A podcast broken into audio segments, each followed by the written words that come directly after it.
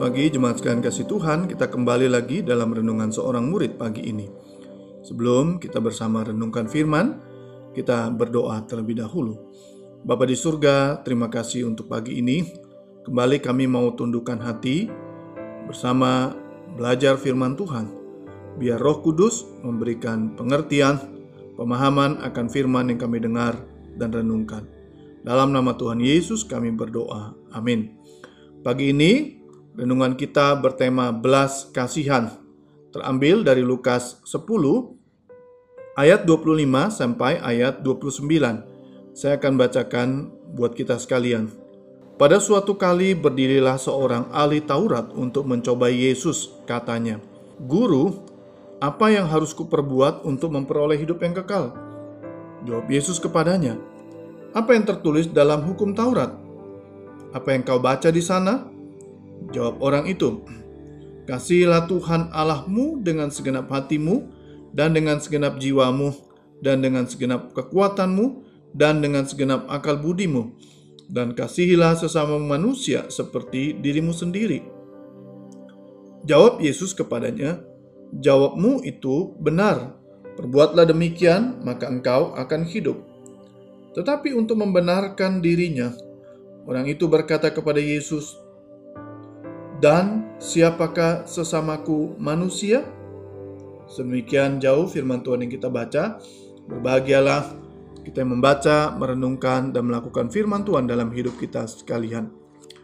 Saudara sekalian, manusia yang hidup di dalam dunia, termasuk kita di dalamnya, adalah manusia yang telah jatuh ke dalam dosa dan hidup di dalam dunia yang tercemar dengan dosa. Dosa telah merasuk ke seluruh sendi-sendi kehidupan manusia. Salah satunya adalah dalam berelasi dan memperlakukan orang lain atau sesama kita. Nilai-nilai, pola pikir, kebiasaan-kebiasaan yang diwariskan dari keluarga dan lingkungan di mana kita hidup dan dibesarkan sering kali membentuk diri kita menjadi orang-orang yang egois, sulit peduli dengan orang lain, hanya mementingkan diri sendiri dan orang-orang terdekat yang kita kasihi. Jujur, harus kita katakan, terkadang kita sulit sekali untuk dapat mengasihi sesama kita. Seorang ahli Taurat di zaman Tuhan Yesus, dia adalah pemimpin agama, orang yang selalu membaca dan merenungkan firman Tuhan. Dia seorang yang sangat aktif dalam berbagai kegiatan keagamaan dia orang yang taat berdoa, berpuasa, dan lain sebagainya. Suatu kali ahli Taurat bermaksud mencobai Yesus dengan menanyakan apa yang harus diperbuat untuk memperoleh hidup yang kekal. Tuhan Yesus kemudian balik bertanya kepada ahli Taurat itu, dan ahli Taurat itu menjawab, "Kasihilah Tuhan Allahmu dengan segenap hatimu dan dengan segenap jiwamu dan dengan segenap kekuatanmu dan dengan segenap akal budimu. Dan kasihilah sesamamu manusia seperti dirimu sendiri. Jawaban ini merupakan inti dari hukum Taurat yang ditanyakan Yesus. Namun, sekali lagi, ayat 29 mencatat bahwa ahli Taurat ini rupanya tetap berpegang pada pikirannya sendiri. Dia bermaksud membenarkan dirinya sendiri atas apa yang dia lakukan selama ini. Dia bertanya kembali kepada Yesus, "Siapakah sesamaku manusia?" Saudara, pertanyaannya adalah mengapa dia bertanya, "Siapakah sesamaku manusia?" dan apa artinya sesamaku manusia di dalam pemikiran ahli Taurat ini? Saudara, kata sesama atau neighbor ya, memiliki arti timbal balik di sini. Dia adalah saudara bagiku dan aku adalah saudaranya. Ini yang dimaksud oleh ahli Taurat. Jadi lingkaran tersebut ada hubungannya dengan kepentingan dan etnosentrisme. Saudara, etnosentrisme adalah keyakinan bahwa kelompok satu budaya atau etnis lebih unggul daripada kelompok budaya atau etnis lain. Nah, Saudara, ini dosa orang Yahudi. Orang Yahudi, ahli Taurat, menganggap bahwa diri mereka, budaya, dan bangsa mereka lebih unggul daripada budaya dan bangsa lain. Yang ada di pemikiran orang Yahudi dan ahli Taurat itu yang dianggap sesamaku manusia adalah keluargaku sendiri, saudara dekatku, dan sesama bangsa Yahudi. Nah, Yesus tahu akan dosa orang Yahudi dan ahli Taurat pada saat itu. Waktu dia bertanya, ahli Taurat ini bertanya, siapakah sesamaku manusia? Maka tahulah Yesus bahwa ia belum mengasihi sesama dengan semestinya. Ia memilih-milih orang yang ia kasihi. Kasihnya bersyarat. Jelas sekali ia belum mengasihi apa yang dia tahu. Sebagai jawaban kemudian, Tuhan Yesus menyampaikan sebuah perumpamaan yang sangat terkenal, yaitu perumpamaan tentang orang Samaria yang bermurah hati menolong orang yang terkapar di jalan karena dipukul oleh perampok.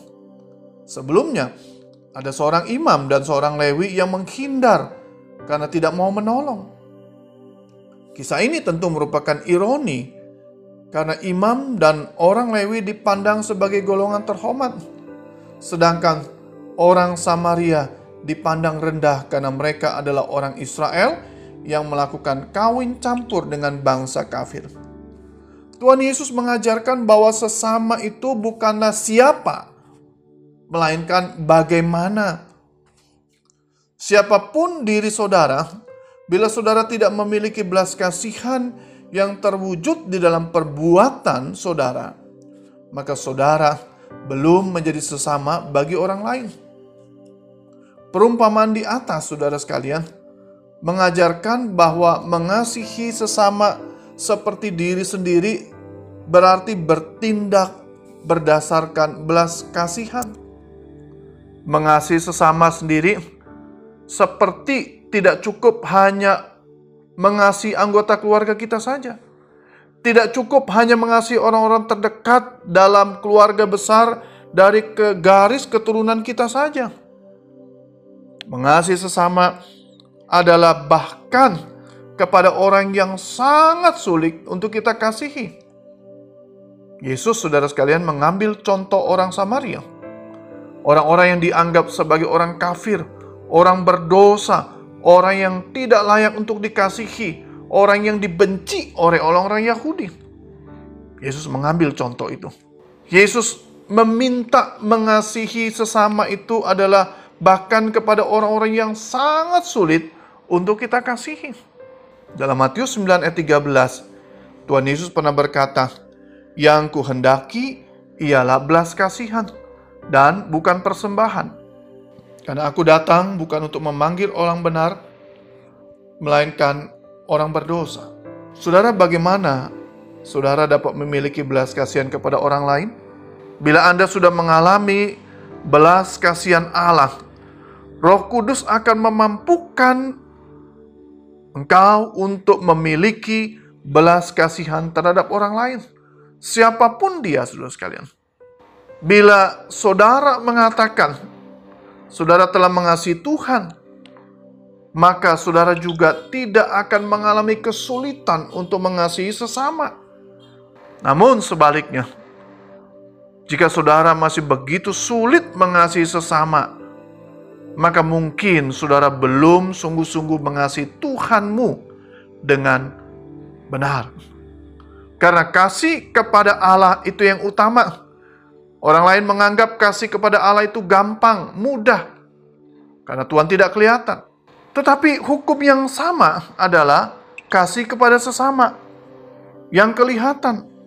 Kalau kita bisa mengasihi Tuhan yang tidak kelihatan dengan sungguh-sungguh dengan benar, maka seharusnya kita dapat mengasihi siapa pun juga dengan sungguh-sungguh pula.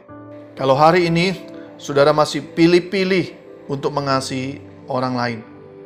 Orang yang sederajat, orang yang sependidikan tinggi seperti saudara, orang yang memiliki sesuatu orang yang saudara anggap pantas dan saudara menganggap ada orang-orang yang tidak pantas untuk saudara kasihi. Saudara, mari kita kembali introspeksi diri kita. Kasih kepada Tuhan dan kasih kepada sesama adalah dua hukum utama di dalam Alkitab, dalam kitab suci yang Tuhan tuntut di dalam kehidupan kita.